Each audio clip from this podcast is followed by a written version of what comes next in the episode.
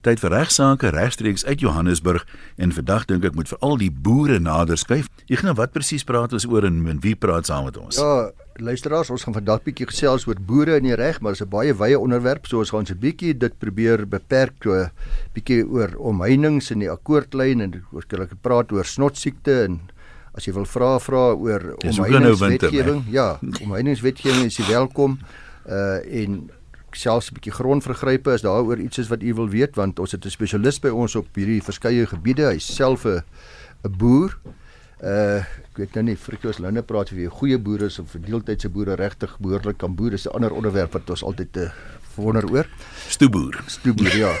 Maar Frikkie, uh, behalwe dat hy bekende litigasie spesialis is daar in Rustenburg, 'n familiereg prokureur ook met baie egskeidings doen.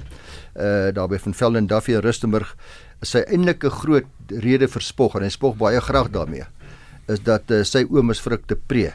Nou oom Frik het 'n baie roemryke rugbyloopbaan gehad, maar Frikkie het ook 'n baie roemryke regsloopbaan sover gehad. Baie welkom Frikkie. Baie dankie. Uh, Goeiemôre of uh, ja, dit is daarom nog môre luisteraars en uh, Ian is 'n Ja, voorreg. jy om lyk nes vrek hoor. Ja, vir al my lyf. Hy's net so 2 voet langer, maar verder lyk hulle op 'n haar na mekaar. Ek wil ek wil gou vinnig vir julle 'n staaltjie vertel. Kyk jy moet nou onthou, ek het uh, ek het groot geword as Frik de Pre se susters kind. Ja. En van baie kleins af het ek onge geweldig baie bolsens gehad. Maar my lyf Het nie saamgewerk Het nie. nie saamgewerk nie. So ek was ontsettend klein. Maar in graad 1 wou ek onmiddellik rugby speel. Ek was ook die enigste graad 1 seentjie wat die rugby oefeninge gaan bywoon het. Ons is in 'n laerskool Marikana. Drie laerskole het saam gespeel. So ek was nou maar elke keer by die oefening ehm um, en ontsettend klein. Ek het soos 'n beafrantjie gelyk. En uiteindelik toe kies hulle my vir een wedstryd die vir die tweede span en ek gaan speel toe die wedstryd. Ons speel in Rustenburg Laerskool wat nou groot rugby skool is en ek het ook toe my voet gebreek. En die Saterdag het hom frik daar by ons kom kuier en toe hy nou daar aankom, toe staan ek sommer in wag met my gips en die bal in my hand. En ek is baie trots dat ek nou al rugby gespeel het en hy vra my bietjie rond en ek sê nee, en ek het ook 'n 3 gedruk. Hy vertel dit natuurlik baie graag. En toe vra hy my wat is die telling gewees? Toe sê ek nee, ons het verloor 22-0. nou hy beweer my susters wat nou bietjie ouer is ek het al klaar sulke oof gemaak vir hom. Toe sê hy maar hoe het jy die 3 gedruk? Toe kom dit daarop neer dat ek dit dood gedruk. Ja, Hy Frikkie. het agter die doele en gaan Ja. kuier soos hulle sê. Ja. Uh Frikkie, ons ons kan luisteraars seker maar inbel ook, maar Ja. ja. ons daarbey miskien kom net 'n uh, jy het 'n redelike groot ding oor deelname aan boereverenigings vir ons boere. Wat sê wat dit uh, regstegnies ook vir hulle baie werd is. Ja, wie ek nou ek het uh, ek ek kan nie dit meer beklemtoon dat uh, alle boere behoort aan georganiseerde landbou deel te neem. Plaaslike boereverenigings want daar is so baie mense in omgewings wat uh, moeite doen. En by daardie boereverenigings en daardie deelnames uh kry jy ontsettend baie inligting. Ehm um, ek dink byvoorbeeld ons ons het 'n 'n 'n boerevereniging, daar's 'n dame Hanna van der Walt. Sy is soos 'n 'n Google. As jy iets wil weet oor landbou en oor nuwe goed wat van toepassing is op boere, dan kry jy die inligting by haar. So dit is dit is ontsettend belangrik. Jy weet daar's so baie goed van wetgewing soos byvoorbeeld uh veldbrande. Ehm um, uh, en daar's daar sekere reëls met met veldbrande voorsorgmaatreëls wat jy moet doen. Wanneer kan ek voorbrande maak? Nou en moet ek byvoorbeeld aan 'n 'n 'n brandvereniging uh, deelneem uh, of of behoort? En daardie inligting kry jy gewoonlik Alles by hierdie by hierdie boerevereniging. Frikkie, ek het vir jou 'n brief aangestuur van 'n meneer Bertus Lou. Ek weet nie of jy dit onthou nie, hy het gevra dat uh ek het dit vir jou aangestuur met die oog op hierdie program. Hy het gevra of Eskom net sommer enige tyd sonder enige kennisgewing sy krag kan afsny. Ja, ek um, ek gaan nie die hele brief lees nie, maar gaan vir julle baie goeie opsomming gee. Ehm um, sy ouers 'n uh, 'n boer ergens in die Vrystaat, ek wil ek wil nou nie presies sê waar hulle boer nie, mens weet nooit wat gebeur met die arme mense nie. Maar hulle is toe op verlof. Hulle of hulle is nie op die plaas nie en hy gaan toe op 'n stadium na die plaas toe en daar is twee kragpunte. Uh pale. Uh wat wat Eskom krag voorsien aan hulle. En toe hy daar kom is daar 'n man wat uh, blykbaar uh toe nou al die een kragpunt afgesit het, uh afgesny het en hy uh hy beweer ook uh, dat uh hy die ander kragpunt gaan gaan afsny. Die die probleem het toe nou hulle toe nou geargumenteer daar met mekaar en hy vra vir my het julle vir ons kennis gegee. En toe sê man jy kry mos jou rekening en dis dis dis moes kennis gee. Nou ehm um, so dit wys dan was was nie betaal vir 'n rukkie nie. Nee. Ja. Die, dis die dis die verdere interessantheid. Dit was betaal, maar wat die tannie gedoen het, sy het ek hoop die tannie so is ek nie. Maar die tannie het uh, het die geld inbetaal op al twee rekenings op een rekening van Eskom. En toe het dit nou nie gereflekteer op die, die ander, ander rekening nie. Maar die die die ek het nou na die kontrakte van Eskom gaan kyk. Ehm um, die munisipaliteit kan byvoorbeeld jou rekeninge konsolideer. Maar dis deur middel van wetgewing. Maar die maar Eskom nie. Eskom het dit in hulle kontrakte stipuleer hulle dat hulle dit kan konsolideer, maar hulle sê ook hulle moet vir jou behoorlike kennis gee 14 dae tyd ensovoorts.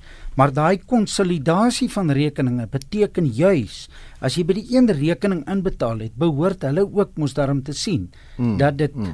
moet dit kan by die ander ene want daar is mos nou 'n surplus by die een ja. rekening. Ek nou ek het hier 'n vraag van 'n luisteraar, ek gee nie sy naam nie. Jy het nou gepraat van snotsiekte. Hy praat van een of ander hofsaak oor snotsiekte waar 'n beesboer strafregtelik aanspreeklik gehou kan word. Ek neem aan dis vir die verspreiding van die siekte. Ja. Um, ek weet nie of julle meer inligting daaroor het weet van so 'n aangeleentheid nie, want hy vra nou spesifiek hier, wat moet 'n beesboer nou in gedagte hou? Wat se voorsorg moet hy tref? Kyk, Frikkie uh, sal weet uh, dat hy was al by 'n paar snotsiekte sake betrokke oor die jare heen, Frikkie. Ja. Hierdie saak het uh, voorgekom in Swartruggens of mm -hmm. is toevallig daar in ons omgewing. Ehm uh, die die die uh, uh departement van natuurbewaring het klagte ontvang uh van 'n boer af en toe het hulle nou uh, sekere mense begin aankla glo nie die die saak is al ver gevorder nie maar dit het daarop neergekom dat ehm uh, dat dit 'n uh, gevaar skep. Diere wat jy aanhou in sekere gebiede wat 'n gevaar kan skep vir die ekonomie of wat ook al is strafbaar. Ek het nou nie die presiese woorde daarvan nie. Maar die voorsorgmaatreëls wat wat hier gevra word, uh Jan is baie belangrik. Ehm uh, die die boer wat kla as daar 'n uh, blouwille bees in sy omgewing kom, moet so gou as moontlik optree. En en en dan kennis gee maar jy moet jou jou blouwille beeste verwyder. Nou ongelukkig het ons oor 'n klompie jare toegelaat en ons boere en ek sluit myself in is baie skuldig hieraan. Ons het mense toegelaat om te kom boer in ons omgewings. En nou as jy byvoorbeeld, daar was 'n onlangse hofsaak waar 'n boer 'n eiendom gaan huur het. En toe wil hy die toe vrek sy beeste van snotsiekte. Maar die plek waar hy gehuur het, daar die bure almal blou hulle beeste. Hy is van die omgewing. Hy weet dit. Toe vat hy nou sy boere soontoe. Daar's 'n en hy was onsuksesvol waarskynlik. En hy was onsuksesvol. Weet ons daarby blou wille beeste gaan boer. Ek het self uh, beeste waarmee ek boer en ek het uh, uh, 'n nuwe plek gekry waar ek begin boer het, maar die die blou wille beeste is reeds daar. Ek het omgeskakel met skaap skape te boer. Hmm. Want ek weet mos ek gaan nie suksesvol wees nie. Ja.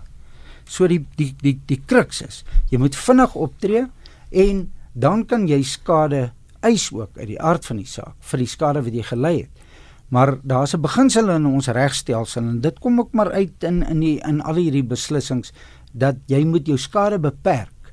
So jy kan nie wag vir 2 jaar, 3 jaar gebeur dan nou niks nie, maar jy sien elke dag langs die draad loop hierdie blou wille beeste en nou eis jy ewe skielik skade. Dit kan tog nie wees nie. Goed, ek nou jy nog vra daar? Ja, ek het 'n briefie gekry en ek twee skrywe, die een is van 'n Eddie Jacobs wat eers sê baie dankie. Hy sê ek vra net dit bloot 'n nuuskierigheid en interessantheid. Hy sê kan 'n leerverklikkerstoets gebruik word as getuienis teen 'n persoon of 'n beskuldigde en dan het ek 'n boer wat skryf hier van Noord-Kaap af. Sê een van sy 6, een van my 6 plaaswerkers het waardevolle implemente gesteel. Uh hy vertel dan ook hoekom en hy sê hy weet dit kan niemand anders wees nie. Hy weet dis een van hulle. Hy is oortuig daarvan. Uh en soos dit die feite wat hy gee lyk dit of dit een van hulle moet wees. Hy sê die SAP ondersoek lewer niks op nie. En my vraag is eerstens kan ek hulle verplig om 'n leenverklikkerstoets af te lê? Die SAP sê nee. En tweedens as hulle wel dit af lê vrywilliglik of verpligtend en hulle druip dit, hy gehoor het ou woord mooi woord dop nog hierso, hulle dop, uh, is dit dan 'n bewys van skuld? Kom ek gee net geweet daai SMS nommer vir nog vra 45770. Dis uh, die kort nommer. Hou jou vraag ook maar kort asseblief. Frikkie, ja. Ja, maar die eerste om die eerste vraag te beantwoord, is jy kan nie enige iemand verplig om so 'n uh, poligraaf toets te gaan doen nie. Jy kan natuurlik in jou in jou dienskontrak korrek uh, dit Correct, uh, ja. ooreenkom en dan kan jy uh, kan jy 'n persoon uh, uit die aard van die saak uh, uh, verplig. Maar die waarde van van hierdie uh leenverklikkers toetse is sy sy uitslaa is ongelukkig nog nie van veel waarde in ons howe nie en dit word nog nie regtig uh uh toegelaat nie. Ek wil nou juist by aansluiting daar vra, jy sê nie mens kan nie iemand verplig nie, maar jy hoor soms dat iemand wat aangekla word en sê ek is onskuldig, dat daai ou sê maar ek is bereid om 'n leefverklikkerstoets ja, te doen om my onskuld te bewys, maar jy sê selfs al slaag hy dit dan is dit nie noodwendig deurslaggewend nie. Nee. Correct. Maar dit gee vir jou natuurlike aanduiding. Ek is baie by sulke goed uh, betrokke gee vir jou natuurlike aanduiding as die persoon sou inwillig ja. om om dan te konsentreer op daardie persoon en om dan dan begin 'n ou dink want onthou sê nou maar jy het 7 8 of 15 of 100 werknemers ja. nou as as een gedruip het kan jy dan begin jy 2 en 2 bymekaar sit en begin omstandigheidsgetuienis en so kan jy dalk saak bou. Saak bou. Wat ook ja. belangrik is vir keer, ons het nou gesien daar in die Sabie Sandwiltuin met die renosterstropery het ons as gevolg daarvan 'n uh, nuwe dienskontrak ingestel. Nou kyk, jy kan nie bestaande persone verplig om hulle bestaande dienskontrak te wysig nie. Dit moet vrywillig wees. Maar almal het eintlik nou elke liewe jaar met elke werknemer 'n uh, leenverklikkerstoets ondergaan en as hy hom nie slaag nie, word hy se muur sy stem toe in sy kontrak dat hy dan afgedank word. En sover werk dit baie goed. Almal het ingekoop daarbey en is geen probleem nie. Brikkie, hier's 'n ander vraag oor omheinings. Ehm uh, mense het nogal simpatie daarmee. Ehm um, in kort hierdie boer sê hy weet hy met sy heininge in stand hou as van sy beeste op die pad kom en 'n ongeluk veroorsaak kan hy aanspreeklik wees. Maar nou sê hy wat van vee diewe? Hierdie ouens kom in die nag dan knip hulle op 'n stuk uh, draad oop. Hulle steel, hy sê dis nie groot maat nie, hulle steel 'n skaap of twee, maar nou is daar 'n gat in die draad en hy het 'n groot plaas. Hy kom nie, hy kan nie elke dag om sy plaas ry nie. Wat sou nou redelik wees van hom om inspeksie te hou op sy heininge? Hy sê is daar nou daai selfe nag 'n skaap of 'n bees of 'n ding deur die heining en hy beland in die pad. Hy sê hy voel hy kon tog niks gedoen het nie. Kan jy mos 'n bietjie perspektief daaroor gee? Ja. Um, om hierdie vraag is 'n baie 'n uh, goeie vraag om uh, uh, want die beginsel van nalatigheid is is uh, die redelike man toets. Jy moes voorsien het. Nou 'n persoon wat wat sy plase normaalweg inspekteer, redelike stappe neem dat sy drade of sy heining reg is, ehm um, kan nooit uh, voorsien het dat daar in die nag nou op 'n spesifieke plek eh, 'n uh, draad geknip is en ingegaan is nie. Uh ingegaan het en so doen ek het, het van sy beeste byvoorbeeld uitgekom. En uh so 'n persoon behoort nie aanspreeklik uh, te wees nie. Ek wil net hier oor die oor die beskadiging van eiendom interessant Jan. Ehm um, as jy iemand se se se heining beskadig, jy hom knip of jy uh, doen iets met die eiendom of ag met die met die heining of met die hek, dan is dit 'n misdaad as jy dit opsetlik doen. In gevolge die wet, die omheiningswet. En jy kan dan ook um, aanspreeklik gehou word vir die skade. Maar wat nog meer interessant is, as jy onskuldig 'n heining van 'n boer sê net maar teen 'n openbare pad uh uh uh beskadig mm -hmm. dan dan kan jy ook aanspreeklik gehou word en daar's 'n plig op jou uh, en dis 'n skuldlose aanspreeklikheid.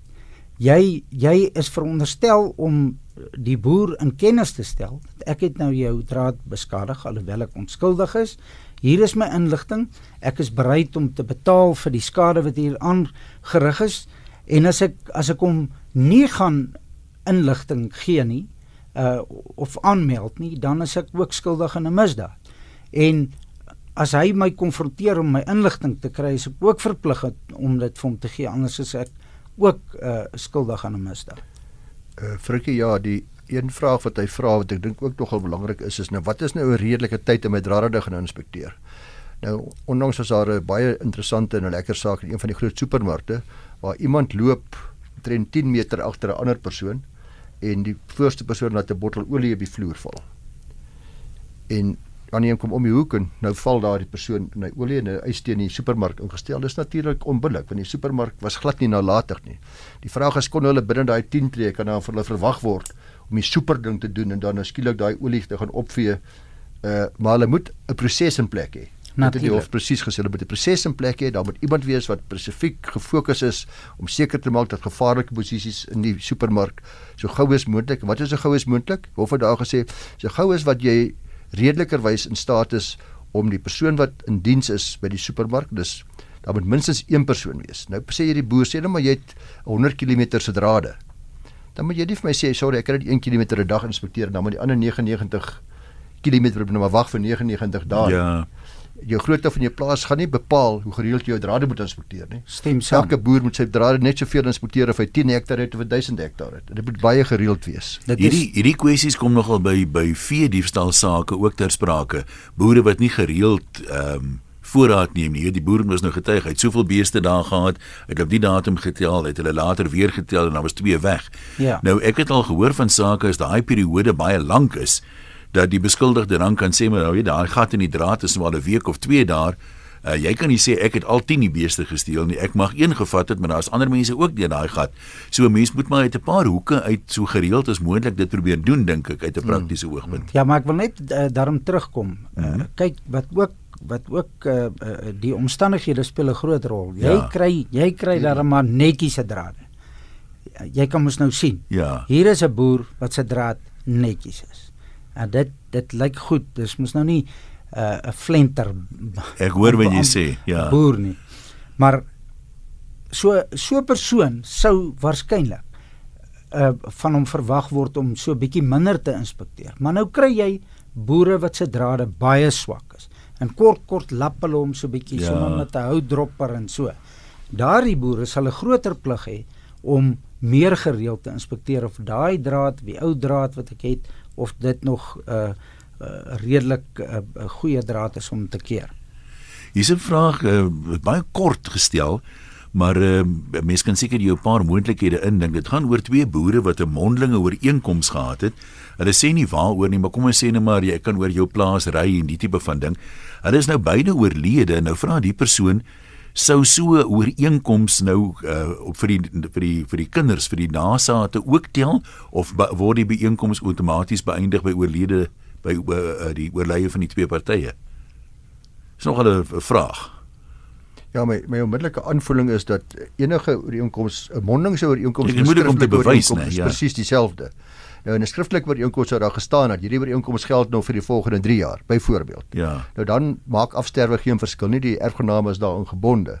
Die vraag gewees by die mondingsooreenkoms, wat was die termyn van daai ooreenkoms? As die termyn was vir die volgende 3 jaar dat dit kan bewys word, dan gaan die erfgename daarin gebonde wees, want die ooreenkoms is net so afdwingbaar soos die skriftelike ooreenkoms. Die probleem gaan die bewyslas wees en dikwels kan die waar albei oorlede is en daar's geen bewys nie, gaan die eksekuteur sê jammer. Hy beskou homself nie gebonde aan daai ooreenkoms nie. Uh, hulle moet maar kom bewys dit was vir langer gewees as uh, dit sou ja. waarskynlik by dood beëindig geword het. Ag en soms soms met die mondelinge goed, dis 'n praktiese reëling, maar as dit werklik belangrik is sê net maar vir die waarde van jou eiendom dit hier 'n servituut of 'n ding is dan sal mense tog meer moeite seker doen en dit maar op skrif stel en seker maak die die voorwaardes en die terme van hierdie ding is is is ja, daar. Ja. Net soos wat ek gepleit het dat mense moet deelneem aan aan hierdie georganiseerde misdaad. Is dit so belangrik dat boere goed op skrif stel. Gaan sien maar 'n prokureur en betaal hom maar 'n paar rand en dat hy ja, hy moet sê mense moet deelneem aan georganiseerde misdaad. Ag, is goed daarvoor gepleit. Ja, georganiseerde misdaad voorkoming. Saamstaan. landbou. Selfs ek kan 'n fout maak, ek is jammer. Hoorie Frikkie, uh net ietsie miskien was dit 'n bietjie oor drade gepraat, maar uh ek kry gereeld vrae en probleme soos jy weet van boere wat met gesamentlike heidings, gesamentlike drade en akkoordlyne, sogenaamde akkoordlyn. Ja, Dis vir ons eh, wat is dit en, en hoe werk dit? Ja, kom ek uh, gou vir jou sê die gesamentlike heining is mos nou maar gewoonlik die een boer wil nou die heining uh 'n heining oprig.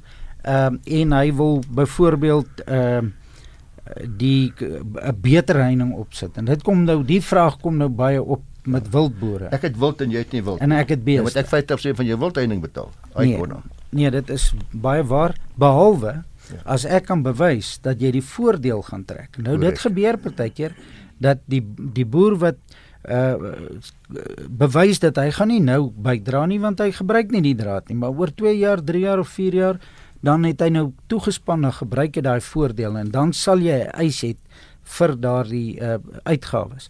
Maar ek wil net vinnig by die stappe daarvan uitkom, maar ek wil terselfdertyd oor 'n akkoordlyn. Dis vir my so mooi Afrikaanse woord. As wanneer ehm um, daar 'n grens tussen twee plase, byvoorbeeld 'n rivierloop is of dis 'n klipkoppie of so, wat dit half onmoontlik maak of onprakties maak om 'n draad te span, want jy kan tog nie in die middel van die rivier 'n draad span nie.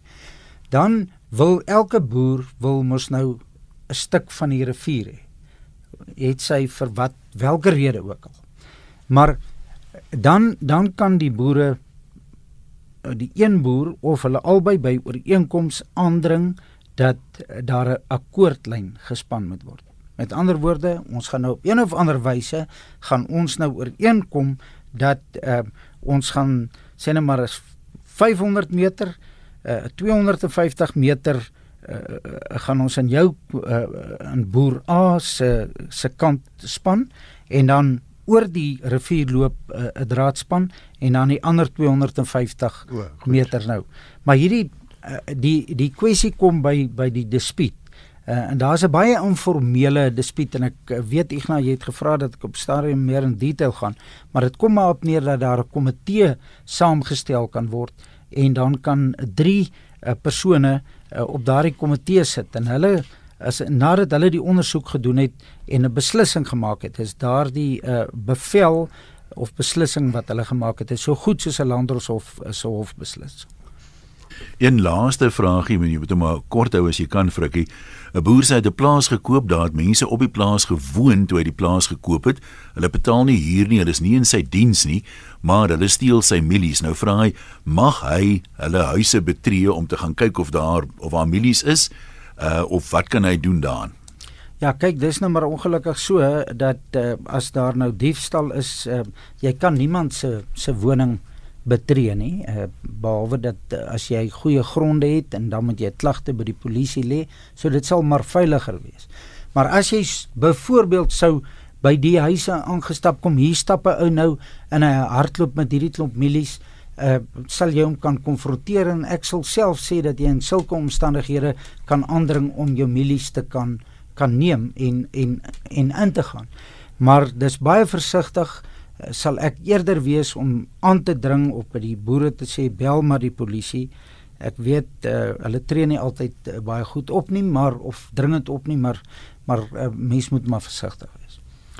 Ja, dit is uh, dis maar een van daai daai praktiese probleme wat uiters frustrerend is dink ek vir die boere. Ek dink nie ons gaan regtig ehm um, tyd hê nie tensy jare baie kort slotopmerking is van jou of Frikkie Ignou oor een of ander aspek. Ag, Dalk kan ons in die toekoms weer oor nog uh, kwessies praat. Ian, ja, die goeie nuus is dat uh, Frikkie het ingestem om weer met ons te gesels. Ek dink Frikkie, ek kan nie die datum onthou nie, iewers in Junie. maand. 11de Junie 11de Junie. Ja. Uh dan gaan ons 'n bietjie in meer detail gesels, wil ek baie graag bietjie meer weet oor die omheidingswetgewing. Uh ek wil graag 'n bietjie met Frikkie gesels oor die aanspreeklikheid as gevolg van veldbrande, want daar's heelwat hofsaake daaroor ensovoorts. Oor bewyding is daar statutêre regte en pligte wat betrek oor bewyding en so aan. So die boere moet gerus weer luister op 11de Junie as ek die datum reg het. Ja, en as jy uh, vrae het, kan jy dit direk vir Ignas stuur vir 'n uh, behandeling in toekomstige programme. Ignas se adres vir vrae is igna@ffd.co.za. Kwessies uh, oor die landbou en die boere wat ons oor gepraat het, Frikkie, is jy bereid om 'n adres te gee? Ja, nee, my e-posadres is frikkiep@ffd.co.za. Frikkie P by ffd.co.za.